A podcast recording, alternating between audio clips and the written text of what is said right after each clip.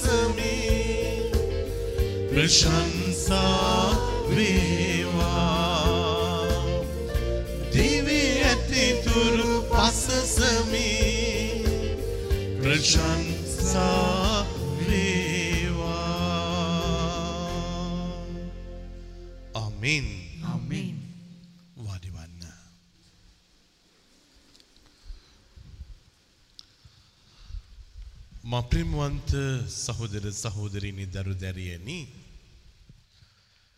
දිවි ඇති තාක් පසසන්න කාට හරි ඕනකමක් තිබුණොත් දිවි ඇති තාක් ජීවිතේ හොඳ දේවල් ටික විතරක් මතක තියාගන්න වෙනවා.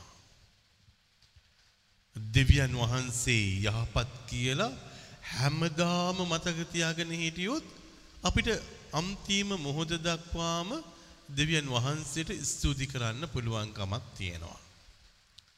ඉතින් ලෝකේ අමාරු මොනවද කියලා ඇහුවොත් කාර්ය දිවි ඇති තාක් මතකේ තියාගන්න හරිම අමාරුයි. ඇයි ඒ අපේ ජීවිතවල සාමාන්‍යයෙන් මතකයේ තියෙන්නේ හොඳ දේට වඩා වැරදිච්ච තැනයි බැරිවිච්ච තැනයි අමාරුවයි තමයි සාමාන්‍යයෙන් මතකයේ තියෙන්නේ. එතකොට දැන් මේ මිනිස්සුන්ට ආවර්ජනය කළා බලන්න කියපුවාම ඒ ආවර්ජනය ඉස්සෙල්ලාම පේන්නේ නේ දුර්වල විච්ච තැන අතහැරුණු තැන බැරි වුණ තැන ඒක පේනවා. දැන් මේක මේ හිතලා කරනවා නෙමෙයි. අර කොච්චර හොඳ දේවල් මොනතරම් තිබුණත් අර අපේ ජීවිතය ඇතුළෙන් පුංචි ඉල්ලීමක් කරනවා අර දුර්වල තැනට. මං ස්වාමි කෙනෙක් වශයෙන් අහලා බැලුවා මේ දින 40ම නැත්නම් දින මේ 39ම 38ක් දේශනා කරලා ඉවර වෙලා දැන් මට මොකද වුනේ කියලා. ඔබට එහෙම හිතෙන්නේ නැද්ද? මේ දින 38ක් ඔබ අද මේ මෙහෙට ඇවිල්ලා ඔබට මොකද වුනේ? ඔබේ සිතුවිලි වලට මොකද වුනේ? ඔබගේ ප්‍රාර්ථනාවන් වලට මොකද වුනේ? ඔබගේ ආශාවන් වලට මොකද වුනේ කියලා අහලා බලුවොත් කාර්ය විවිධ විදියට ඔබට උත්තරයන් හම්බ වේවි. මනුස්ස මට්ටම තුළ මේ අවුරුද්ද දිහා බලපුවාම මේ අවුරුද්දේ ශාරීරිකව එහෙම ලොකු පීඩනයක් තිබුණේ නැහැ ශාරීරිකව. හැම දෙයක්ම කරගෙන කරගෙන යන්න පුළුවන්කමක් තිබුණා. හැබැයි මනස කියන දෙයට හැම වෙලාවෙම ප්‍රශ්න තිබුණා. මනසේ ප්‍රශ්න තිබුණා. සිතුවිලි වල ප්‍රශ්න තිබුණා. එතකොට දැන් එක පැත්තකින් ශාරීරික වේදනාව අඩු වෙනකොට මානසික චිත්ත පීඩනය කියන තැනකට ගේනවා. මානසික චිත්ත පීඩනයක් නැතිකොට ශාරීරික වේදනාවක් ගේනවා. ඒ නිසා කවුරු හරි ලේසියෙන්ම මේ දින 40ක් කරා නම් මං හිතන්නේ ඒ දින 40 ලේසියෙන්ම කාටවත් කරන්න බෑ. මේ දින 40 කියන්නේ අපිව කලකිරෙන්න සලස්සලා අපිව එපා කරලා අපිව හෙම්බත් කරලා අපිව කඩාගෙන වැටෙන්න සලස්සන දින 40ක්. මොකද මේ දින 40 ඔබ හිතන පතන විදියට නැමෙයි දෙවියන් වහන්සේගේ බහුල ආශිර්වාද ඔබේ මගේ ජීවිතයට ලැබෙන කාලයක්. එතකොට අපි පටන් ගත්තා මේ මේ චතාරිකය වරප්‍රසාදයේ තුල ජීවත් වෙන කාලයක් කියලා. බැලූ බැල්මට ඔබට හිතෙන්නට පුළුවන් කෝ වරප්‍රසාද කියලා. හැබැයි ඔබ ලැබිච්ච වරප්‍රසාද එක එක එක එක ලියලා බැලුවොත් ඔබට තේරේවි මොනතරම් ප්‍රමාණයක් ඔබට වරප්‍රසාද දෙවන් වහන්සේ දීලාද කියලා. පෞද්ගලිකව මට නම් ගොඩක් දේවල් දුන්නා. ගොඩක් දේවල් දුන්නා. පෞද්ගලිකව මට පරිහරණය කරන්න නෙමෙයි. නේ මම විශ්වාස කරනවා මම අනිත් අයට කරන දේ තමයි මට දෙන්න ලැබුණයි කියලා මම විශ්වාස කරන්නේ. එතකොට මේ මුන්දල මේ අද මේ රාත්‍රිය වෙනකොට මේ හෝල් එකකට මේ අවශ්‍ය කරන කොන්ක්‍රීට් ස්ලැබ් එක ඔක්කොම දාලා ඉවරයි. ඔක්කොම දාලා ඉවරයි. එතකොට ගෙවල් දෙකක් හැදිලා ඉවරයි.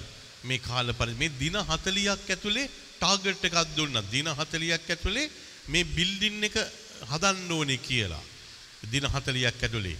ඉතින් දින 40ක් ඇතුලේ වටේ බිත්ති ටික බැඳලා මේ අවශ්‍ය කරන ස්ලැබ් එක දාලා මේ ඔක්කොම ඉවර කරන්න පුළුවන් වුණා දින 40ක් ඇතුලේ.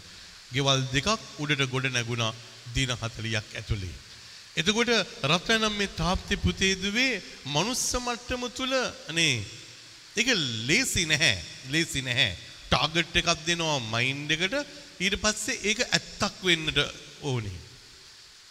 එතකොට මේ කාල පරිච්ඡේදයේ අවමයෙන්ම මුන්දලමට ගියේ මම. වෙන හැම කාලයකම වැඩියෙන්ම යනවා.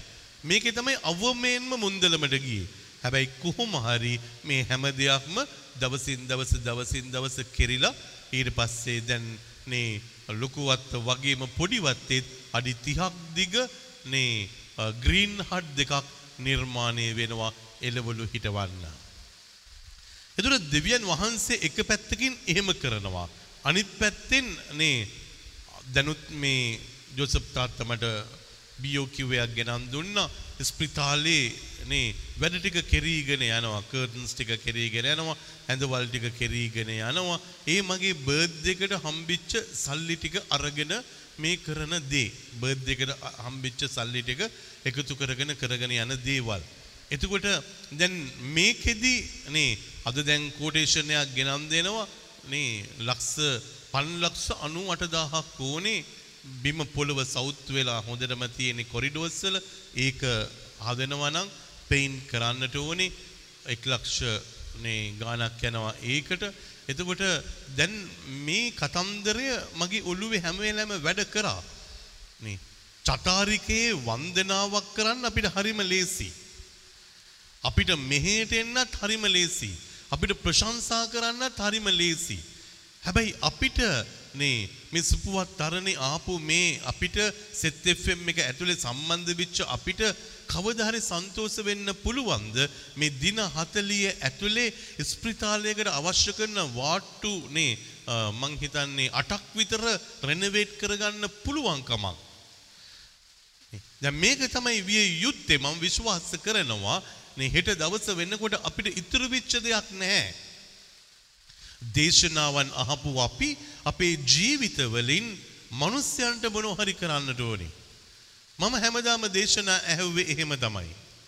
මං දෙන දේශනාව මං ඇහැව්වේ මට ස්වාමින් වහන්සේ කියපු දේ මට කරලා මේ මනුස්ස සංහතියට මොනෝහරි කරන්න පුළුවන් වුණාද.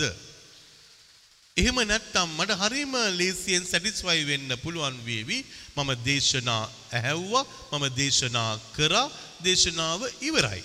දේශනාව ඉවරයි දින තිස්සටක දේශනා ඉවරයි. හැබැයි ප්‍රායෝගිකව ප්‍රායෝගිකව නැත්තම් මේක මල ඇදහිල්ලක් වේවි. ප්‍රායෝගිකව මේ කාලේ කොහොමරි දුක් විඳලා එකතු කරගෙන එකතු කරගෙන එකතු කරගෙන නේ යමක් මේ කාල පරිච්ඡේදයේදී කරන්නට ඕනේ. යමක් කරන්නට ඕනේ. ඉතින් මං හිතන්නේ රත්නම් මේ තාත්ති පුතේ දුවේ නේ සාර්ථකත්වය කියන්නේ ඒක තමයි. මොකද සාර්ථකත්වය දෙවියන් වහන්සේ තුල ජීවිතයේ බද්ධ කරගෙන නේ එළියෙන් ඉන්න මිනිස්සුන්ට සහනයක් සැනසීමක් දෙන එක. එතුළ දැන් මේ දෙකම ඔබේ මගේ ජීවිතයෙන් සිදු වුණොත් ඔබට මට සන්තෝෂ වෙන්න පුළුවන් කමක් තියේවි. අපේ ජීවිතවලින් මේ පොළොව තලේ මැරෙන්න ඉස්සර කාට හරි යහපතක් වුණා කියලා. ස්වාමීන් වහන්සේ කවදා හරි අහන්නට යන්නේ ඒක තමයි. මං ඔබට ඉගැන්වූ දහම ඔබ රක්ෂා කරන්න අනිත් අයට කියලා දුන්නද? එතුර අනිත් අයට මේ ධර්මය කියලා දෙනකොට ඔබ සමහර දවස්වල කියාවි අද දේශනාව නම් මටමයි කිව්වේ. අද දේශනාව නියමයි. අද දේශනාව එච්චර වැදුනේ නැහැ. ඇත්තයි. දවසින් දවස එක එක විදියට මේ දේශනාවන් ඔබේ මගේ ජීවිතයට බලපාලා ඇති. හැබැයි end of the day ඔබේ මගේ ජීවිතේ නේ මොනිටර් කරලා බලන්නට ඕනේ දේශනාවන් වලට ඇහුම්කන් දුන්න මම මොනතරම් ඒ ආදරයක් සහ සේවාවක් මනුස්ස සංහතියට කරාද කියලා. මං අද ජොසප් තාත්තට දැන් කියලා ආවා මට මේ වෙලාවේ නේ සල්ලි කොහෙන්ද නේ සල්ලි කොහෙන්ද දැන් ලක්ෂ 5 ලක්ෂ 98000ක් ඕන නම් ජොසප් තාත්තා කිව්වා අඩු කරලා අඩු කරලා කොහොම හරි ලක්ෂ 5ක් හොයාගත්තොත් කරන්න පුළුවන් මේ කොරිඩෝ එකයි පේන්ටිං මේ ඔක්කොම කරන්න පුළුවන් කියලා.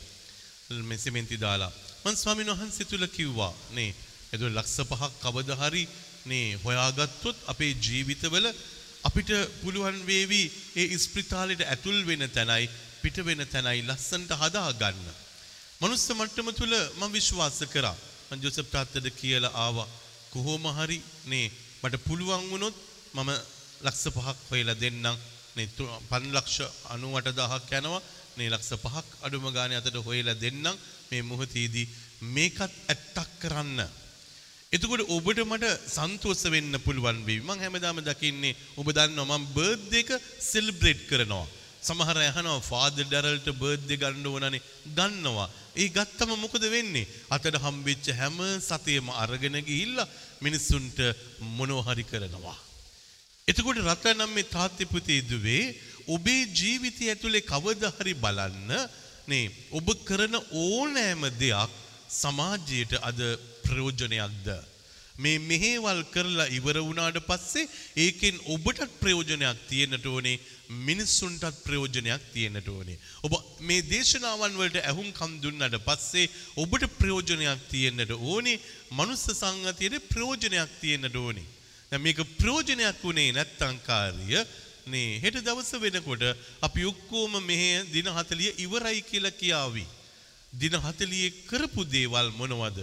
නේ සමාව දුන්න අවස්ථාවන් ඇක්සෙප් කරපු අවස්ථාවන් නැගිට්ට අවස්ථාවන් මේ ඔක්කොම අපේ ජීවිතවලට ගොඩක් වැදගත්. එහෙනම් පෙරලා ගන්න සුදු බයිබලේ තෙසලෝනි පහේ දොළොස්වෙනි පදේ සිට සහෝදරවරුනි සහෝදරවරුනි ඔබ අතර ඔබ අතර වෙහෙස මහන්සි දරන වෙහෙස මහන්සි දරන ක්‍රිස්තියානි සභාවෙහි ක්‍රිස්තියානි සභාව මූලිකත්වය දරන මූලිකත්වයේ ඔබට දරන අවවාද අනුශාසනා කරන ඔබට අවවාද අනුශාසනා කරන තැනැත්තන් තැනැත්තන් නිසි ලෙස සලකන්න. නිසි ලෙස සලකන්න.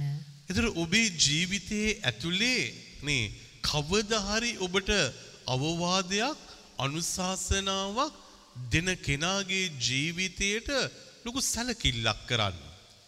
ගෞරවයක් කරන්න. එතුර දැන් මේක ඔබේ ගෙදරින් පටන් ගන්න ඕනි. ස්වාමි පුරුෂයා හොඳ දෙයක් කියලා දෙනකොට, භාර්යාව හොඳ දෙයක් කියලා දෙනකොට, දරුවන් හොඳ දේවල් කියලා දෙනකොට, ගමේ ඉන්න අය හොඳ දේවල් කියලා දෙනකොට, ස්වාමිලා සිස්ටර්ලා හොඳ දේවල් කියලා දෙනකොට, දැන් මෙතනදී හොඳ දේ කියලා දුන්නා විතරක් නෙමෙයි, ඒ හොඳ දේ කරන කෙනාට සලකන්න, ගෞරවය කරන්න පටන් ගන්නට ඕනේ. දැන් මනුස්ස මට්ටම තුල අපි අහන්නට ඕනේ අපේ ගෙදර ඉන්න අම්මට හොඳ දේවල් හැම වෙලාවෙම කියලා දෙන නිසා අපි කොච්චරක් ඒ අම්මට සලකනවද? හොඳ දේවල් අම්මා කියලා දෙනවනේ උදේ ඉඳලා හැන්දෑව වෙනකන් කොච්චරක් ඒ අම්මට සලකනවද? තාත්තත් හොඳ දේවල් උදේ ඉඳලා හැන්දෑව වෙනකන් කියලා දෙනවා. ඒතකොට කොච්චරක් ඒ තාත්තට අපි සලකනවද? එතකොට ඔබට ස්වාමිලා සිස්ටර්ලා හොඳ දේවල් කරලා කියලා දෙනවා. නේ එතකොට කොච්චරක් ඔබ සලකනවද ඔවුන්ට? එතකොට දැන් මනුස්ස මට්ටම තුල නේ අපේ ජීවිතවල ඉබේටම වෙන දේ තමයි හොඳ දේට ඝට්ටනයක් ඇති වෙනවා. හොඳ දේට ඝට්ටනයක් ඇති වෙනවා. අම්මා කෙනෙක් වශයෙන් ඔබ හොඳ දේ කතා කරපුවාම ඒ හොඳ දේට ඝට්ටනයක් නැචුරලිම ඇති වෙනවා. ඒ නිසා අම්මා පාඩම් කරන්න කියපුවාම අපේ අම්මා හොඳයිද? නැහැ.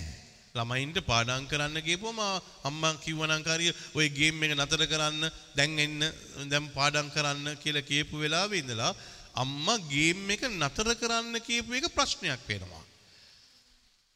ඒ නිසා පාඩම් කරගන්න බැරුව යනවා. පාඩම් කරගන්න. ඒතුර නරකද්ද කිව්වේ ගේම් එක නතර කරලා ඇවිල්ලා පාඩම් කරන්න කියන එක නරකක් නෙමෙයි. හොඳක් කිව්වේ. හැබැයි එතනදී මනුස්ස මට්ටම තුල ඝට්ටනයක් ඇති වෙනවා. ඒ නිසා ඔබේ ගෙදර ඉන්න අම්මත් එක්ක ගෙදර ඉන්න තාත්තත් එක්ක ඝට්ටනයක් ඇති කරගන්න එපා. කිසිම ආකාරයෙන් ඝට්ටනයක් ඇති කරගන්න එපා. එතකොට දැන් මේ ඔබ කවදා හරි කිව්වොත් ස්වාමීන් වහන්සේට ස්වාමිනේ මට එහෙනම් මගේ අම්මා ලව්වලා කතා කරන්න තාත්තා ලව්වලා කතා කරන්න ස්වාමි පුරුෂයා ලව්වලා කතා කරන්න භාර්යය ලව්වලා කතා කරන්න නේ ස්වාමිලා සිස්ටර්ලා ලව්වලා කතා කරන්න. දැන් අපි එහෙම ඉල්ලනවද? අප ඔබ ජේසු ගාවට ඇවිල්ලා කියනවද? ස්වාමිනේ මගේ ස්වාමි පුරුෂයාට නේ ඔබ වහන්සේ ආශිර්වාද කරන්න මට කතා කරන්න. මට කියලා දෙන්න. දැන් එහෙම යාඥාවක් අපේ අපි හදාගන්නේ නැහැ. ඒ නිසා මේ දින 40 පවත්වගෙන යන්න දැන් අපිට දින 40 හැමදාම නැහැ. ආය බදාදා මෙහෙ තියේවි සිකුරාදා මෙහෙ තියේවි. නේ. එතකොට මේ දින 40 පවත්වගෙන යන්න නම් දැන් කවුද දැන් කතා කරන්නට ඕනේ? ඔබ ඔබ ස්වාමින් වහන්සේ තුල හිටපු කෙනෙක් වශයෙන් නේ gedara කතා කරන්න. ඒ ගෙදර කතා කරනකොට අනිත් අයට පුළුවන් වේවි ඒ කතා කරන දේ තුල ඔවුන්ගේ ජීවිතවලට බලයක් අයිති කරගන්න. එතකොට කියනවා මේ විදියට මොනවද කියන්නේ? ඔවුන්ගේ සේවය නිසා ඔවුන්ගේ සේවය නිසා ඔවුන්ට ඔවුන්ට උසස්ම උසස්ම ගෞරවාධාරය ගෞරවාධාරය පිරිනමන ලෙස පිරිනමන ලෙස අපි ඔබගෙන් ඉල්ලමු. ඉල්ලමු. එතකොට දැන් මේක තමයි දැන් පවත්වගෙන යන්න ඕනේ. දැන් පෞල් ජීවිතය ඇතුලේ දැන් ඔබ ආයෙත් ගිහිල්ලා පෞල් ඇතුළට කුටුම්බය ඇතුළට යන්න යන්නේ. ඒතුළු දැන් පවත්වගෙන යන්න දෙයක් තියෙන්නේ පෑ නේ. මොකක්ද නම් පවත්වගෙන යන්නට ඕනේ? ගෞරවය කියන දේ පවත්වගෙන යන්න. රෙස්පෙක්ට් කියන දේ පවත්වගෙන යන්න. එතකොට රට නම් මේ තාත්ති පුතේ දුවේ ඔබට ගෞරවය කරන්න බැරුව ගියොත් නේ මේ දැන් දින 40ක් අපි මේ ගමන ආවා දින 38ක් මේ ගමන ආවා හැබැයි මේ 38ම ගමන ඇවිල්ලා අපිට ගෞරවය කරන්න බැරුව ගියොත් කාර්ය එතනදී අපේ ජීවිතවල ආයෙත් පුංචි ලැප් එකක් ගැප් එකක් නිහිස් තැනක් ඇති කරගන්නවා.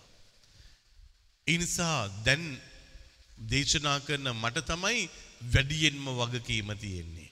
ඇයි ඒ දේශනාවල දෙවියන් වහන්සේ මාව අනාවරණය කරත් මට ගෞරවය කරගන්න බැරුව ගියොත් මං දුර්වල චරිතයක් එතන. මට සලකන්න බැරුව ගියොත් මම කියන දේවල් අහගත්තේ නැත්තම් මම දුර්වල චරිතයක්. ඒ නිසා වැඩියෙන්ම ස්වාමින් වහන්සේ ඉල්ලන්නේ ඔබගෙන් නෙමෙයි. වැඩියෙන්ම ඉල්ලන්නේ මගෙන්. ඇයි ඒකට හේතුව මට වැඩියෙන් දීලා. මට වැඩියෙන් දුන්නට පස්සේ ස්වාමින් වහන්සේ කියාවි මම ඔබට මෙච්චර දේවල් ටීචින්ග්ස් දුන්නා. ඔබ ඇයි ජීවත් නොවුනේ? ඔබ ඇයි ජීවත් නොවුනේ? ඒ නිසා පනිෂ්මන්ට් එකක් ආවොත් කාර්ය ඒ පනිෂ්මන්ට් එකෙන් වැඩියෙන්ම බලපාන්නට යන්නේ ඔබට නෙමෙයි මට. දේනාන්සේ පනිෂ් කරන්නේ නැහැ. හැබැයි පනිෂ්මන්ට් එකක් ආවොත් බලපාන්නේ මට. ඇයි ඒ මේ මොහොත වෙනකොට සිතට දීලා ගතට දීලා මනසට දීලා ආත්මයට දීලා ඒක ප්‍රකාශ කරන්න සලස්සලා ඔක්කොම කරලත් අන්තිමට ස්වාමීන් වහන්සේ කියාවෙනේ ඩැරල් ඔබට දුන්න ඔක්කොම වතුරෙනේ කියලා කියාවෙනේ. ඒ නිසා තමයි දේශනා කරන්න හරිම අමාරු. දේශනා කරන්න හරිම අමාරුයි. ඒක අමාරුව තියෙන වෙන කිසිම දෙයක් නිසා නෙමෙයි. ප්‍රායෝගික ඒක මගේ ජීවිතේ නැති වෙනකොට මම හිස් පුද්ගලයෙක් බවට පත් වෙනවා. ඒ නිසා ස්වාමීන් වහන්සේ කියනවා මේ විදියට මොනවද? එකිනෙකා සමග එකිනෙකිනා සමග සමාදානයෙන් සිටින්න. සමාදානයෙන් සිටින්න. එතකොට දැන් මේ දින 40 ඉවර වෙනකොට අපි මොනවද අයිති කරගන්න ඕනේ කියලා ඇහුවොත් කාර්ය ගෞරවය ඕනේ ඒ වගේම සමාදානය පවත්වගෙන යන්න ඕනේ. නැත්තම් කාර්ය ඔබ කියාවි නේ ආයෙත් අපිට අවවාද අනුශාසනා ඕනේනේ මේක හැමදාම දෙන්න පුළුවන් එකක් නෙමෙයි. ටීචින් කියන දේවල් හැමදාම හම්බ වෙන්නේ නැහැ. එතකොට දැන් ඔබේ මගේ ජීවිතයට දැන් ටේකට ඉස්සර ඉස්කෝලේකින් ආවා ප්‍රෝග්‍රෑම් එකක් ඉල්ලලා ටීචර්ස් ලගේ ඉතින් ආපුවම මං කියපු දේ තමයි කොලේකුයි පෑනකුයි ටීචර්ස්ලට අරගෙන එන්න කියන්නේ. කොලේකුයි පෑනකුයි අරගෙන එන්න කියන්නේ. ඇයි ඒ කොලේකුයි පෑනකුයි අරගෙන එන්න කිව්වේ? නැත්තම් මේ අහගෙන හිටියාට ටික වෙලාවකින් අමතක වෙලා යන්න පුළුවන්. දවස් 10කින් අමතක වෙනවා. සාමාන්‍යයෙන් 180ක් විතර මතකයට යනවා. හැබැයි ඒක දින කීපයක් යනකොට අන්තිමට 120ට බහිනවා. 120ට බහිනවා. ඒ නිසා තමයි ළමයින්ට ඉස්කෝලේ යන ළමයින්ට මොනවද කියන්නේ? ඔබ ලියපු දේවල්, ඔබ ස්ටඩි කරපු දේවල් නිතර නිතර කියවන්න, නිතර නිතර පාඩම් කරන්න, ඒක මතකයට දාන්න, මතකයට දාගෙන ඉවර වෙලා ඊට පස්සේ පොතක් කොලයක් නැතුව ඔබේ මතකයේ ඇතුලේ ඒ සබ්ජෙක්ට් මැටර් එක තියෙනවද කියලා බලන්න. ඊට පස්සේ ඔබ ඒක කාට හරි උගන්වන්න. කාට හරි උගන්වන්න. මේ ගස් කොළන් වලට හරි උගන්වන්න ඕනේ. මේ කාට හරි බිත්තියකට හරි උගන්වන්න ඕනේ. ඇයි එතකොට තමයි ඒක මතකයට යන්නේ. උගන්වපුවම තමයි මතකයට යන්නේ. ඉතින් එතකොට ඔබේ මගේ ජීවිතයට මේ හැම කරුණු කාරණාවක්ම මතක් වෙන්න නම් කාර්ය ඔබගේ මගේ ජීවිතයේ ඇතුලේ මේ ප්‍රායෝගික දේ තියෙන්නට වෙනවා. සහෝදරවරුනි සහෝදරවරුනි අලසයන්ට අලසයන්ට අවවාද දෙන්න. අවවාද දෙන්න. බියසුල්ලන් බියසුල්ලන් දිරිගන්වන්න. දිරිගන්වන්න. එතකොට දැන් හැම කෙනාගේම කැපෑසිටි එක විදියට නෑ අපේ ගෙදර ඉන්න ඔක්කොම එක විදියට ඉන්නවද නැහැ. එක එක්කෙනා මේ වචනේ ඇහුණට පස්සේ පිරිසක් ඉඳීවි ඕවර්නයිට් නේ මිරකල් එකක් පර්ෆෝම් කරන විදියටම නැගිටිනවා එක දේශනාවයි ඒගොල්ලන්ට ඇහෙන්නට ඕනේ. ඒක අල්ල ගන්නවා ඒක අල්ලගෙන එතනින් ජීවිතේ නැගිටිනවමයි නේ. තවත් පිරිසක් ඉන්නවා. ඒගොල්ලන්ට පළවෙනි එක ඇහෙනවා දෙවෙනි එක ඇහෙනවා තුන්වෙනි එක ඇහෙනවා හතරවෙනි එක ඇහෙනවා නේ 38ක් ඇහෙනවා. එහෙනම් තාමත් පොඩ්ඩක් පරක්කු වෙනවා. තාමත් පරක්කුයි. අද නෙමෙයි හෙට පටන් ගන්නම්කෝ. පස්සේ උග කරන්නම්කෝ. දැන් මේ හොඳ කාලයක් නෙමෙයිනේ. මේක අමාරු කාලයක්නේ මේක එහෙම හිතන්න බැරි කාලයක්නේ කියන දේවල් ඔක්කොම මනසට ඇවිල්ලා මම කවදා හරි මේ ඔක්කොම මගේ ලයිෆ් එකේ ප්‍රැක්ටිස් කරනවායි කියන තැනට එනවා. එතකොට නේ තවත් කෙනෙකුට පුංචි උදව්වක් දෙන්න වේවි. අලස වෙන කෙනාටත් බය වෙන කෙනාටත් උදව් කරන්නට ඕනේ.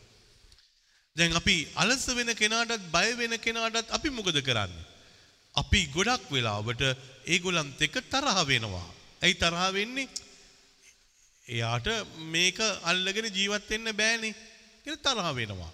නැත්තම් අපි කියන දේ අහන්නේ නැහනේ. නේ කොච්චර කිව්වත් එයා බයයි. වැඩක් නැහැ මං අතහැරලා දාලායි තියෙන්නේ. ඒ නිසා අපි ගොඩක් වෙලාවට අතහැරලා දානවා. කාවද අතහැරලා දාන්නේ? පරක්කු වෙලා කරන අයව, බයින් ඉන්න අයව අපි අතහැරලා දානවා. මේගොල්ලන්ත් එක්ක වැඩ කරන්න මට බෑ. මේගොල්ලන්ට කියලා වැඩක් නැහැ. මේගොල්ලෝ හැම වෙලාවෙම පස්සට යනවා. ඒගොල්ලෝ දිරියක් නැහැ. බලයක් නැහැ. නේ හැම වෙලාවෙම නේ බයයි බයයි කියාගෙන ඉන්නවා මිසක කරපු දෙයක් නැහැ. දැන් මේ වගේ වචන සෙට් එකක් අපිට දාලා අපිට පුළුවන් වෙනවා ඒ මිනිස්සුන්ගෙන් ඈත් වෙලා ඉන්න. හැබැයි ස්වාමීන් වහන්සේ එහෙම ඈත් වෙන්න කියන්නේ නැහැ. ස්වාමීන් වහන්සේ මොනවද කියන්නේ? ඒ දුර්වල කෙනාට පොඩි සපෝට් එකක් හැම වෙලාවෙම දෙන්න. බය වෙලා ඉන්න කෙනාට නිරන්තරයෙන්ම පොඩ්ඩක් උදව් කරලා එයාගේ ජීවිතේ ඉහළට ඔසවන්න. දැන් මේක තමයි ඔබට මට පැවරිච්ච ප්‍රායෝගික දින ඉතුරු ටික ගත කරගන්න ලැබෙන වරප්‍රසාදය. එතකොට ස්වාමීන් වහන්සේ මෙහෙම කියනවා. මොනවද කියන්නේ? දුබලයන්ට සහාය වන්න මේ සියල්ලන් ගැන ඉවසිලිවන්තව ඉවසිලිවන්තව සිටින මෙන් සිටින මෙන් අපි ඔබගෙන් අපි උදක්ම ඉල්ලමු. එතුට ස්වාමීන් වහන්සේ මේ ඔක්කෝම කියලා අපිට අපෙන් ඉල්ලන්නේ මොනවද? මේ හැම කෙනාම ජීවිතේ අප් ටු ඩේට් නැතුව ඇති. මේගොල්ලෝ නේ අප් ටු ද මාක් නැතුව නැතුව ඇති. ඉතින් ඒ නිසා ඔබ කරන්න ඕන දේ තමයි ඉවසලා ඉවසලා ඉවසලා මේ මිනි- හැම කෙනාටම ආදරයෙන් බලාගන්න ඉවසලා බලාගන්න. එතකොට අපි ඔක්කොම පර්ෆෙක්ස් බීන්ලා නම් අපි ඔක්කොම නේ අංග සම්පූර්ණ අය නම් අපි ඔක්කොම කිසිම වැරද්දක් කරන්නේ නැති මිනිස්සු නම් එතකොට ඉවසන්න ඕනේ නැහැ. මොකද ඔක්කොම පර්ෆෙක්ට් නේ. හැබැයි අපිට මේ පොළොව තලේ පර්ෆෙක්ට් බීන්ස්ලා නැහැ. දේශනා කරන මම නේ මගේ ජීවිතේ ඔබටත් වඩා දුර්වල කෙනෙක්. දුර්වල කෙනෙක්. ඒ නිසා මෙතන අධ්‍යාපන සුදුසුකම් අරන් බැලුවොත් කාර්ය ඔබ ගොඩක් ඉගෙන ගත්ත කෙනෙක් නේ. මම හැමදාම කියනවා අන්තිමයා නෙමෙයිනේ ඔබ ඊට ඉස්සර කීප කීයකට හරි උඩට ආපු කෙනෙක්නේ නේ. එතකොට ඔබේ ජීවිතයේ ඇතුලේ යම්කිසි ශක්ති ප්‍රමාණයක් තියෙනවා. යාඥා ජීවිතයේ ගත්තොත් කාර්ය සමහර වෙලාවට මම යාඥා කරනවට වඩා ඔබ යාඥා කරනවා. මම ඔබ යාඥා කරනවා. මං කරන හොඳ දේවල් වලට වඩා ඔබ හොඳ දේවල් ගොඩක් කරනවා. නේ.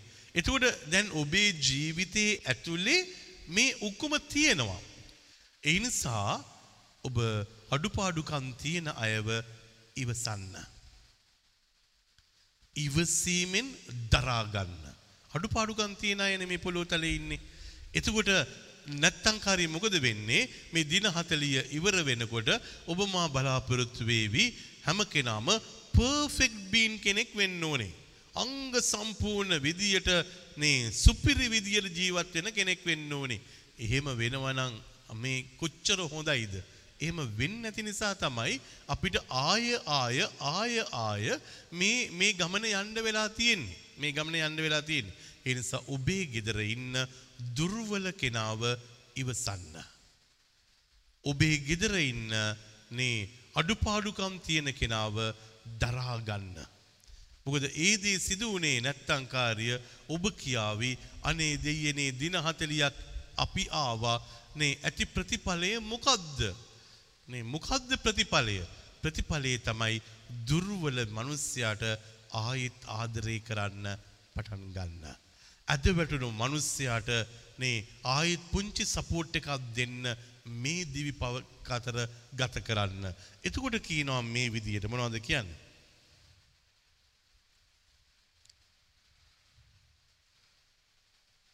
කිසිවකුට කිසිවෙකුට නපුරට නපුර නපුරට නපුර නොකරන ලෙසද ලෙසද එකිනෙකා ගැනත් සියල්ලන් ගැනත් සියල්ලන් ගැන නිතරම නිතරම යහපත්දේ කරන ලෙසද යහපත් දේ කරන වග බලා ගන්න. වග බලා ගන්න.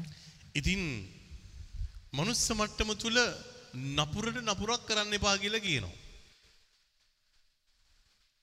හැබැයි ඔබේ මගේ ජීවිතය අරගෙන බැලුවොත් කාර්ය වැඩියෙන්ම අපි කරලා තියෙන්නේ නපුරට නපුරක් කරනවා. මොකද්ද කරන්නේ? අපි රියැක්ට් කරනවා. instead of responding to the situation. නේ. ඉතින් මමත් දේශනා කරනකොට ප්‍රෝග්‍රෑම් කරනකොට නේ මාත් ඉතින් කියනවා ඩෝන් රියක්් රියක් කරන්න එපා. මේ මුහතේදී නේ ඇටෑකින් මෙන්ටල්ටියක් හදාගන්න එපා. දැ මම්ත් මේක දේශනා කරනවා. හැබැයි මාත් එතනම වැටෙනවා. මාත් එතනම වැටෙනවා. දන්නෙම නැතුව මාත්‍රයක් කරනවා. මාත්‍රයක් කරනවා සමාර දේවල් වලට.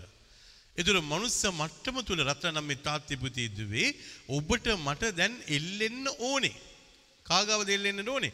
අය ජේසු ගාවටම ඇවිල්ලා එල්ලිලා කියන්නට ඕනේ අනේ ජේසුනේ මට මේ රියැක්ට් කරන මෙන්ටැලිටි එක මගේ ජීවිතෙන් අයින් කළා දාන්න.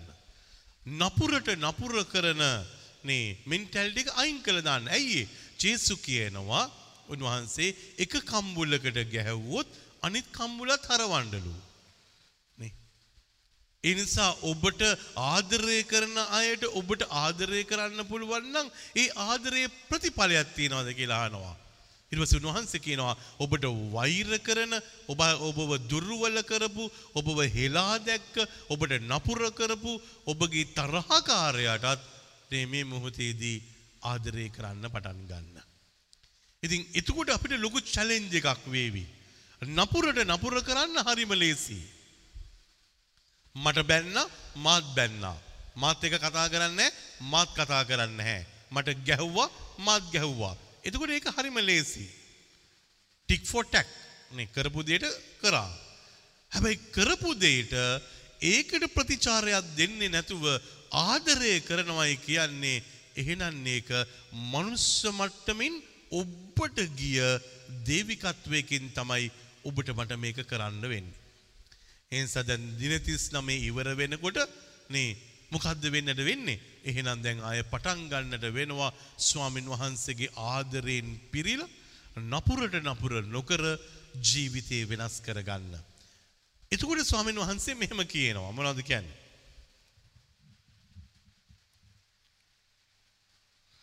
නිතරම නිතරම ප්‍රීතිවන්න ප්‍රීතිවන්න දැන් එතකොට දැන් අර අර සෙට් එකම කරන්න එපා කියලා මේ දින 38න් පස්සේ මේ සෙට් එකම කරන්න එපා කියලා ස්වාමීන් වහන්සේ දැන් කරන්න කියන දේවල් ටිකක් කියන්නට යනවා. මොනවද මේ කරන්නට කියන්නේ? ස්වාමීන් වහන්සේ කියනවා හැම වෙලාවෙම ඔබේ සිතත් මනසත් ආත්මයත් සන්තෝෂෙන් තියාගන්න. සන්තෝෂෙන් තියාගන්න. මන් දන්නේ මං ඔබ හාවි ඇයි ෆාද මේ ඉස්ප්‍රිතාල ගැන මෙහෙම හිතන්නේ කියලා හැම වෙලාවෙම නේ. ඉස්ප්‍රිතාලයට ගියාම මිනිස්සෙක්ගේ ජීවිතය අසතුටට පත් වෙනවා. පුදුම විදියට. මේ දවස්වල නේ දරුවෝ හම්බෙච්ච අම්මලට දාන්න මොස්කිටෝ නෙට්ස් 45ක් වඩ කරා. මොකද ඒ වාට්ටුවට අවශ්‍ය කරන හැම හැම ඇඳකටම මොස්කිටෝ නෙට් එකකුත් තියෙන්න ඕනේ. නේ මදුරුව දලකුත් තියෙන්නට ඕනේ. මොනව නිසාද මේ දුර්වල වෙලා ඉස්ප්‍රිතාලයක ඉන්න මොහොතක නේ බැරි වෙලා ඉස්ප්‍රිතාලේ ඉන්න මොහොතක ඒ ඉස්ප්‍රිතාලය නේ සතුටක් ඇති කරන තැනක් වෙන්නට ඕනේ. නර්සස්ලා කතා කරන විදිය, ඩොක්ටර්ස්ලා කතා කරන විදිය, ඊට පස්සේ ඒකේ තියෙන කර්ටන්ස් ටික, ඒකේ තියෙන බාත්රූම්ස් ටික මේ ඔක්කොම ලස්සනට හොඳට තිබුණොත් තමයි අර දුකටපත් වෙච්ච මිනිස්සයාට ස්ප්‍රිතාලේ ඇතුලේ ඉඳගෙන ආයේ එළියට එනකොට අම්මෝ මොන ජරා තැනකද දෙයියනේ මං හිටියේ කියලා කියලා එළියට එනවට වඩා ඒ අයට දැනෙන්නට ඕනේ නේ අපි ගිහිල්ලා එන්නම් මිස් තැංකූ වෙරිමච් අපිට ආදරය කරාට. නේ ඒ තැන දැක්කම ලස්සනක් තියෙනට ඕනේ. වටිනාකමක් තියෙනට ඕනේ. දැන් මේ සුපුවත් තරන ලස්සනයි නිසානේ. නේ මේක හොඳ තැනක් මේක යඥාවේ ගෘහයක් හැම තැනින්ම එනවා. නේ බලල යන්න හරි එනවා පෙන්නල යන්න හරි එනවා. ඇවිල්ලා කියනවා ගිහිල්ලා මෙතනට ඇවිල්ලා ගියාම හිත පෙරෙනවා වගේ හරිම ශාන්තියක් දැනුණා. නිකමට හරි මෙතනින් එනකොට නේ කුණු ගොඩක් දාලා මේ ඔක්කොම පිළිවෙලක් නැත්නම් කිසිම පිළිවෙලක් නැහැ කිසිම ලස්සනක් නැහැ. මේක හැඩි වෙලා මේක දුර්ගන්ධ හමන තැනක් බවට පත්වනොත් කාරිය නේ මොනවා කියයිද? මිනිස්සුන් ආපු ගාම කියවි අම්මෝ මෙතනට යනවට වඩා හොඳයි. නිකන් ඉන්නවා. මොකද එතනට ගිය වෙලාවෙ ඉඳලා මට නිකන් ඔළුවට අමාරුයි. ඒක කිසිම සැනසීමක් කිසිම සහනයක් කිසිම සතුටක් නැති තැනක් කියලා. ඒ නිසා ඔබේ ගෙදරත් නේ ප්‍රීතියක් ඇති වෙන විදියට හදාගන්න. මං අද ජුත්තාත්තට පෙන්නවා පරණ ගයක් නේ නටබුන් විච්ච ගයක්. ඒ ගෙදරට හැඩතල වෙනස් කරාට පස්සේ ඒ ගෙදරට මොන තරම් වටිනාකමක් ඇවිල්ලද කියලා. තිබිච්ච පරණගේ වහලේ මෙහෙමයි තියෙන්නේ නේ ඒක එක පැත්තකින් ගරාගෙන වැටලා චූටි ගියා.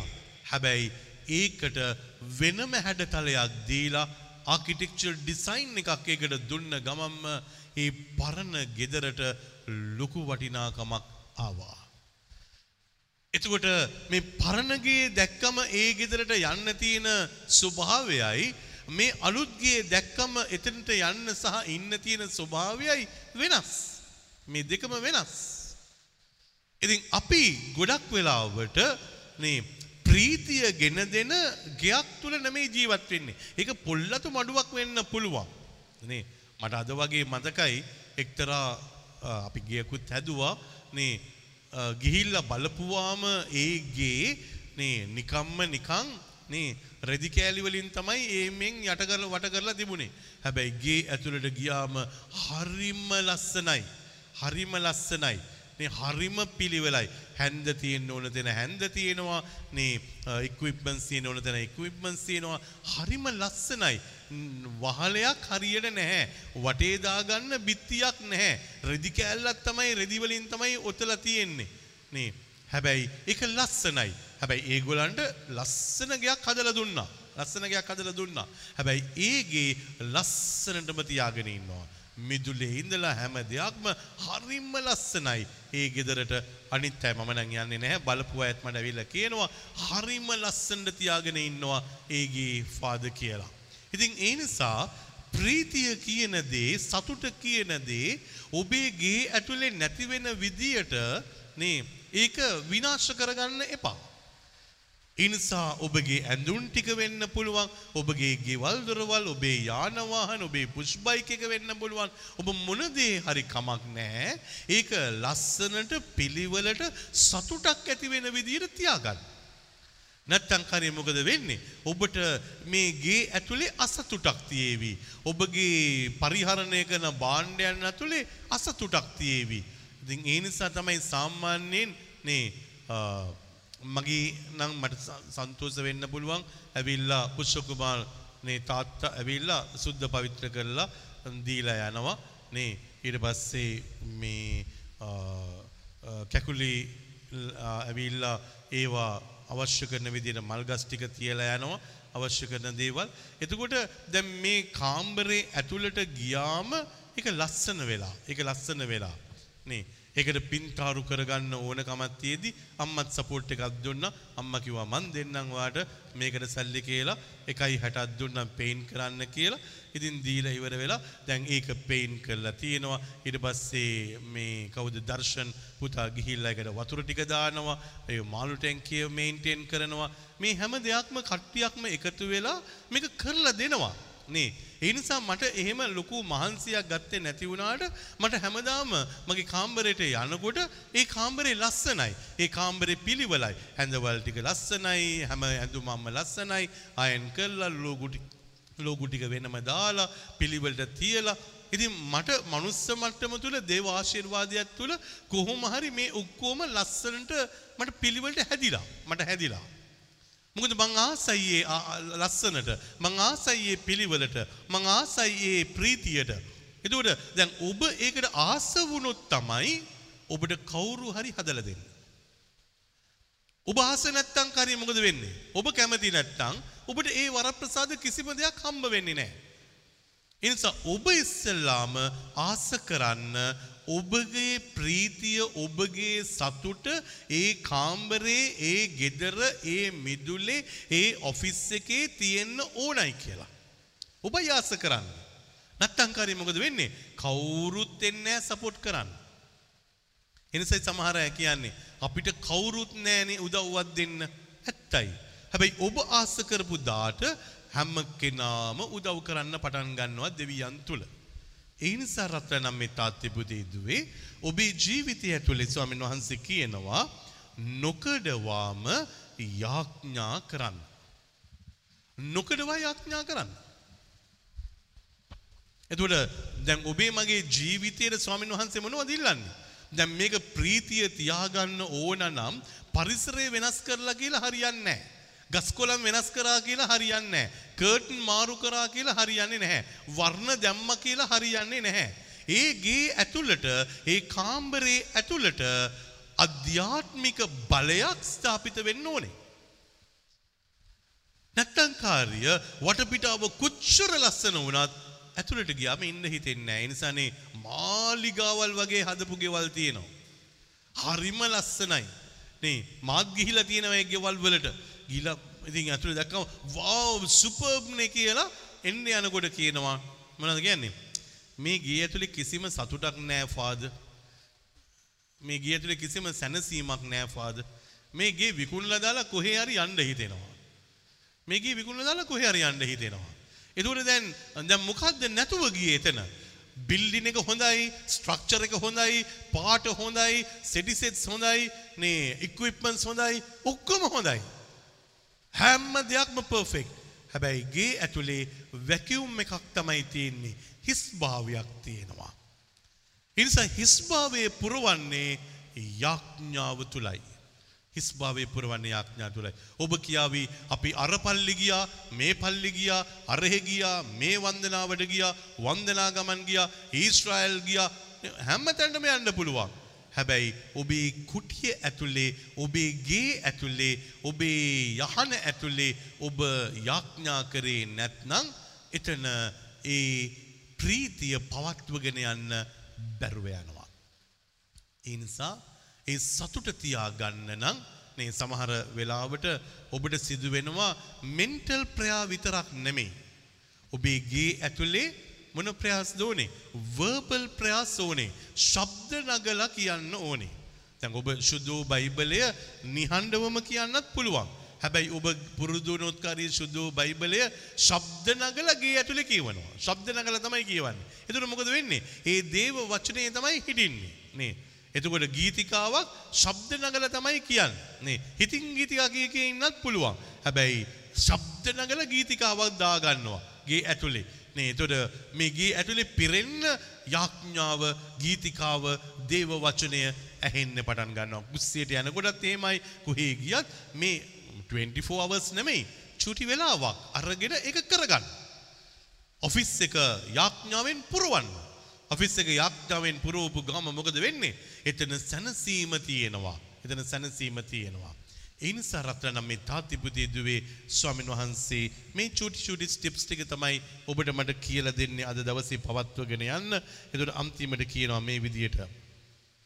සියල්ලෙහිදී සියල්ලේදී ස්තුති දෙන්න. සූති දෙන්න. ආ එතකොට කලකිරීමක් වෙන වෙනුවට හැම වෙලාවෙම දකින්න දකින්න දේට praise the lord ලස්සනයිනේ නියමයිනේ හොඳයිනේ කියලා කියන්න නේ නැත්තම් කරේ මොකද වෙන්නේ? අර ලස්සන දේ දකින්නකොට හිත ඇතුලේ ලස්සන නැත්නම් හිත ඇතුලේ යාඥාව නැත්නම් හිත ඇතුලේ සතුටක් නැත්නම් නේ මේ ලස්සනයි. ඊට පස්සේ කියනවා මොන දරාවක්ද මන්දා. එතකොට ලස්සන දේ ලස්සන නොවෙන්නේ ඇයි? හොඳ දේ හොඳ නොවෙන්නේ ඇයි?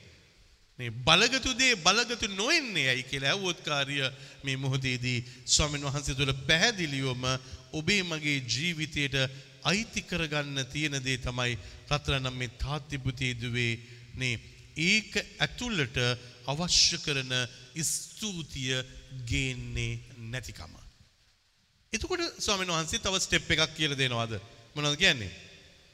කිතුනුවන් වශයෙන් කිතුනුවන් වශයෙන් දෙවියන් වහන්සේ දෙවියන් වහන්සේ ඔබගෙන් බලාපොරොත්තු වන්නේ ඔබගෙන් බලාපොරොත්තු වන්නේ මෙයයි. මෙයයි. දැන් එතකොට දින 38 ඉවරයි.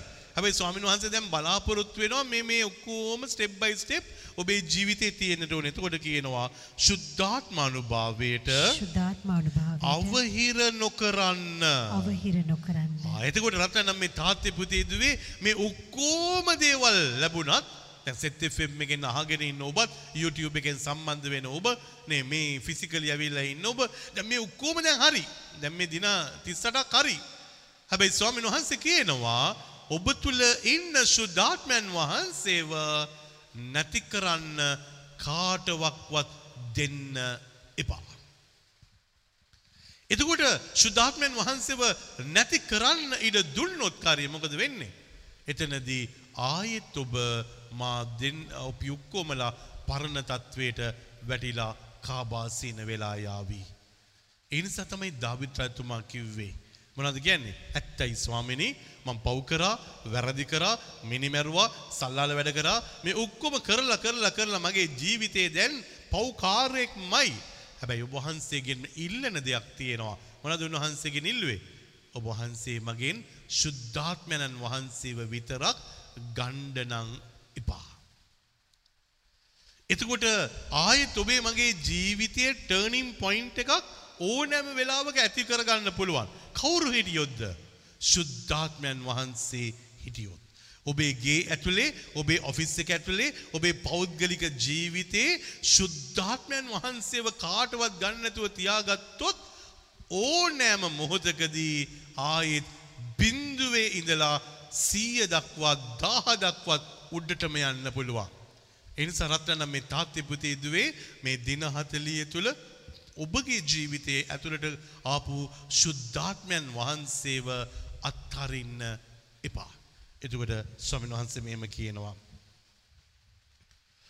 දිවස්වකි දිවස්වකි සුළු කොට සුළු කොට නොතකන්න. නොතකන්න. ආ එහෙනම් ස්වාමින් වහන්සේ දෙන පණිවිඩ ඔබ සුළු කොට සලකන්න එපා. නේ, අපි නැත්තම් we take it for granted. ස්වාමීන් වහන්සේ කිව්වා ඉතින් මට මොකද අනේ ස්වාමීන් වහන්සේ කිව්වට නේ ස්වාමීන් වහන්සේ කියපු දේ ජීවිතේ ඒ අනාවරණයන් ලියලා තියාගන්න ලියලා තියාගන්න. අපි ගොඩක් වෙලාවට ස්වාමීන් වහන්සේ අනාවරණ දෙනකොට නේ අපි ලියාගන්නේ නැහැ. දේව පණිවිඩය ලියාගන්නේ නැහැ. ඔබ මේ සුදු බයිබලය නේ දැක්කොත් කාර්ය මේක ඇතුලේ ඔක්කොම ලියලායි තියෙන්නේ. මේක ඇතුලේ ඔක්කොම ලියලායි තියෙන්නේ. ඒ නිසා මෙච්චර ලොකු උනේ මේ බයිබලය. නේ ස්වාමින් වහන්සේ කතා කරන කතා කරන හැම දෙයක්ම කියන කියන හැම දෙයක්ම උන්වහන්සේ තුල මේ හැම දෙයක්ම මේක ඇතුලේ ලියවිලා. ඒ නිසා ඔබ මෙහෙම බැලුවොත් කාර්ය ගොඩක් ලොකුයි මේක දැන්. පිටු ගානට වඩා ගොඩක් ලොකුයි. නේ මේ වල කොළ ඇලවල මේ ඔක්කොම කරගත්තේ මොනවද? ස්වාමීන් වහන්සේ කතා කරනකොට ඒක නිකන් මගහැරලා දාන්න බෑ. ඒක මගහැරලා දාන්න බෑ. අවාසනාවට මොකද වෙන්නේ? අපිට ස්වාමීන් වහන්සේ කතා කරපු වචනය මගහැරලා දානවා. දැන් එතකොට දැන් අ, මේක ගත්තොත් කාරිය මෙතන තියෙන එක අ, හතරවෙනි පදය මේකෙම හතරවෙනි පදය මම දේශනා කරලා තියෙනවා දෙදස් දොළහේ පාස්කුවට දේශනා කරලා තියෙනවා දෙදස් දොළහේ. එතුර දෙදස් දොළහේ ස්වාමින් වහන්සේ දුන්න අනාවරණයන් මේක ලියවිලා තියෙනවා. එතකොට මේක ඒකට ආපු කෝටේෂන්ස් ටිකත් වෙනම ලියලා තියෙනවා. මාක්තුමාගේ සුවිශේෂයේ 9:41 එක කොරින්ති 6:19 නේ මේ ඔක්කොම ලියලා තියෙනවා මේ දේව වචනේ ඇතුලේ. ඒ කියන්නේ දුන්න අනාවරණය දුන්න ලින්ක් එක පවා ලියා ගන්නවා. නැත්තම් කාර්යය මොකද වෙන්නේ? දෙවියන් වහන්සේ දුන්න දිවස් වැකිය අපිට මතක නැහැ ඊට පස්සේ. ඒ නිසා රත්තරන් මේ තාත්තිපුතේ දුවේ ඔබේ සුද්ධ වූ බයිබලයේ ඇතුලේ නැත්නම් පොතක් අරගෙන ඔබේ ජීවිතේ ඒ දේ ඉරි ගැහුවට විතරක් මදි. දැන් අපි පුරුදු වෙන්නේ මොනවද? මේ හයිලයිටරයක් අරගෙන ඒ හයිලයිටර් එකෙන් මේ මාක් කර ගන්නවා. මේ මේම මාක් කර ගන්නවා. හැබැයි අනාවරණය දිවස් වැකිය ඒක ලියාගන්නේ නැහැ. ඒ නිසා ඔබ පුරුදු වෙන්න දෙවියන් වහන්සේ නේ ඔබට මෙහෙ එක නැමෙයි ගෙදර ගෙදර ඉන්නකොටත් දිවස් වැකි දෙනවා. ඒතකොට ටක් ගාලා ලියාගන්න. දිවස් වැකිය ලියාගන්න. ඒක තමයි ඔබේ ජීවිතයට බලයක් බවට පත් වෙන්නේ. එතකොට ස්වාමින් වහන්සේ තුල අවසාන වෙන්නට මෙහෙම කියනවා. සියල්ල විමසා බලා සියල්ල විමසා බලා යහපත්දේ යහපත්දේ තදින් අල්ලා ගන්න. තදින් අල්ලා ගන්න. එතකොට ස්වාමීන් වහන්සේ අල්ලගන්න කියන්නේ මොකද්ද? වැරදි අල්ලගන්න කියනවද? නපුරු දේ අල්ලගන්න කියනවද? බැරිවිච්ච දේ අල්ලගන්න කියනවද? කලකිරුණු තැන් අල්ලගන්න කියනවද? පෙර ජීවිතය ඇතුලේ තියෙන අරගලයන් අල්ලගන්න කියනවද? නැහැ. ස්වාමීන් වහන්සේ ඒවා එකක්වත් අල්ලගන්න කියන්නේ නැහැ. ස්වාමීන් වහන්සේ කියනවා ඔබ තුළ තියෙන යහපත් දේ සහ ඔබ කරන යහපත් දේ අල්ලගෙන තියාගන්න ඒක අතහරින්න එපා. අපි ගොඩක් වෙලාවට තීන්දුවක් ගන්නවා මොනවද ගන්නෙ? මං හොඳ කරලා වැඩි. ඊට පස්සේ මං හොඳ අතාරිනවා. මං යහපත් වෙලා වැඩි. ඒ නිසා මං යහපත අතාරිනවා. මං මං මිනිසුන්ට සලකලා වැඩි. ඒ නිසා සලකන එක මං අතාරිනවා. මං දාන දුන් ධර්ම දුන්න එක වැඩි. මං ඒ නිසා ඊට පස්සේ දාන ධර්මය දෙන්නේ නැහැ. මම යාඥා කරා. නමුත් දැන් මං යාඥා කරන්නේ නැහැ. මම වන්දනා ගමන් ගියා. මං දැන් වන්දනා ගමන් යන්නේ නැහැ. මම යාචකයන්ට උදව් කරා. හැබැයි දැන් ඊට පස්සේ මං යාචකයන්ට උදව් කරන්නේ නැහැ. මොකද්ද උනේ? අර යහපත් දේවල් අපි අතහැරලා දානවා. ස්වාමීන් වහන්සේ අද ඉල්ලනවා යහපත් දේ කිසිම දවසක අත්තරින්නේ නැතුව අල්ලලා තියා ගන්න. අල්ලලා තියා ගන්න. අපි සියලු දෙනා නැගිටලා අ, දෙවියන් තුළ යාඥා කරමු. දින 38ක් තිස්සේ උදේ හවා අපි ආපු ගමන සප්‍රසාද වහන්සේත් එක්ක මේ මොහොතේදී බද්ධ වෙන්නටයි යන්නේ. දෙවිඳුන්ගේ දෑතට අපේ ජීවිත බාර කරලා අද ස්වාමීන් වහන්සේ මේක පවත්වගෙන යන්න ක්‍රමවේදය කියලා දුන්නා. ඒ ක්‍රමවේදය අපි ඇත්තක් කරගන්නට යනවා. එහෙනම් හිමින් සිරුවේ ඇස් දෙක වහගෙන අත් දෙක වැඳ ගන්න. යඥා කරන්න. අද රාත්‍රී 10ට මට සහ සුපවත්තන්නේ කණ්ඩායමට තියෙනවා. කටුව පිටියේ සර්වරාත්‍රික මෙහි රෑ 10 ඉඳලා 12 වෙනකන් අරගෙන යන්න.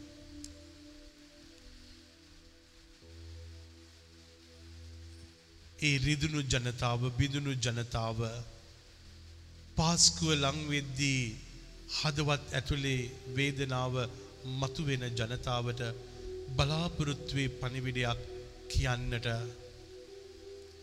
පියතුමා මගින් ඇරයුම් කරා දුක මතු කරන්නේ නැතුව බලාපොරොත්තුවක් දෙන්න පාද කියලා.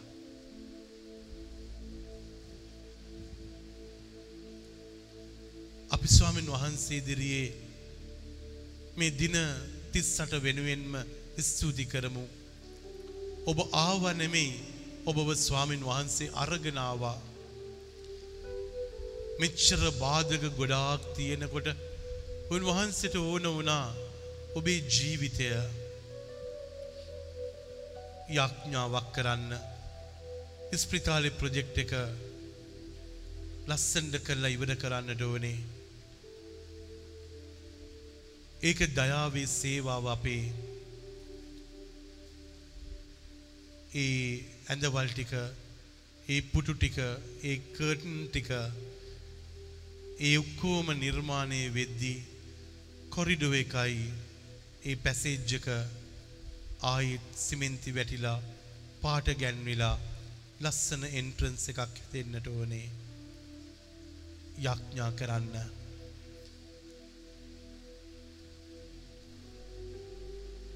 ඒ වගේම දෙවියන් වහන්සේ තුළ මගේ ජීවිතයේ තියෙන අඩුපාඩුකම් මට හදාගන්න යඥා කරන්න.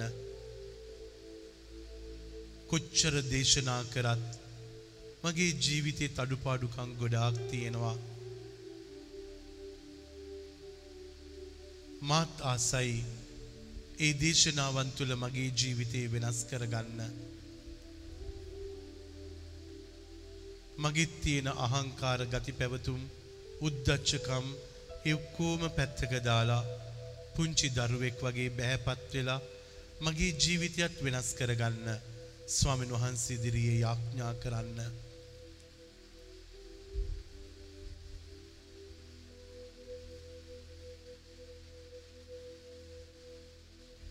එහෙනම් මේ මොහොතේදී ඔබේ දකුණු අත දික් කරන්න මේ CDs වලට. මා ඉස්සරහ පිට තියෙනවා MP3 වලින් හදපු දේ. මේක අහනව නෙමේ ආයෙත් කවුරු හරි ජීවිතයට කවදා හරි වෙනසක් ඇති වෙන්න ඒකට ඇහුම්කන් දෙන්න දේවාශිර්වාදය දෙන්නයි කියලා. අපි යාඥා කරමු. අපේ වචන වලින් ශුදු ස්වාමිනේ වහන්සේගේ දෑදට බාර කරනවා. ස්වාමිනේ මනුස්ස මට්ටම තුල මේ සෑම දෙයක්ම වහන්සේ දුන්න වචනේ වෙලාවේදී ස්වාමිනේ මේවා ඇහෙනකොට කාගේ හරි ජීවිතේට යමක් ගන්න තිබෙනවා නම් ඒ දේ අරගන්නට අවශ්‍ය කරන මාවත් ඔබ වහන්සේ එලිපෙහෙලි කර දෙමින් ඔබ වහන්සේගේ දේව ආශිර්වාදයෙන් ඔබ වහන්සේ පුරවන්න ස්වාමිනේ. මේ පිළියෙල කරපු සෑම දෑතක්ම ආශිර්වාද කරන්න. ඒ සඳහා වෙහෙස මහන්සි වුණ මුල්ලියේ දායකත්වයේ දුන්න ඒ සියලුම දෙනා වෙනුවෙන් ඔබ වහන්සේට තුති පුදනවා. ස්වාමිනේ ඒ සියලුම ගෞරවයත් මහිමයත් සදහටම වහන්සේටම අයිති කරලා දෙනවා. මේ මොහොතේදී මෙය මේක නිකම්ම නිකං හුදෙක් ප්‍රසිද්ධිය සඳහා නෙමේ ජීවිත වෙනසක් සඳහා පරිහරණය කරන්නට ඔබ වහන්සේ මේ සියල්ලක්ම ආශිර්වාද කරන්න ඔබ වහන්සේගේ දේව ආශිර්වාදයෙන් පුරවන්න ස්වාමිනී. ආලීප කරන්න ආලීප කරන්න ආලීප කරන්න.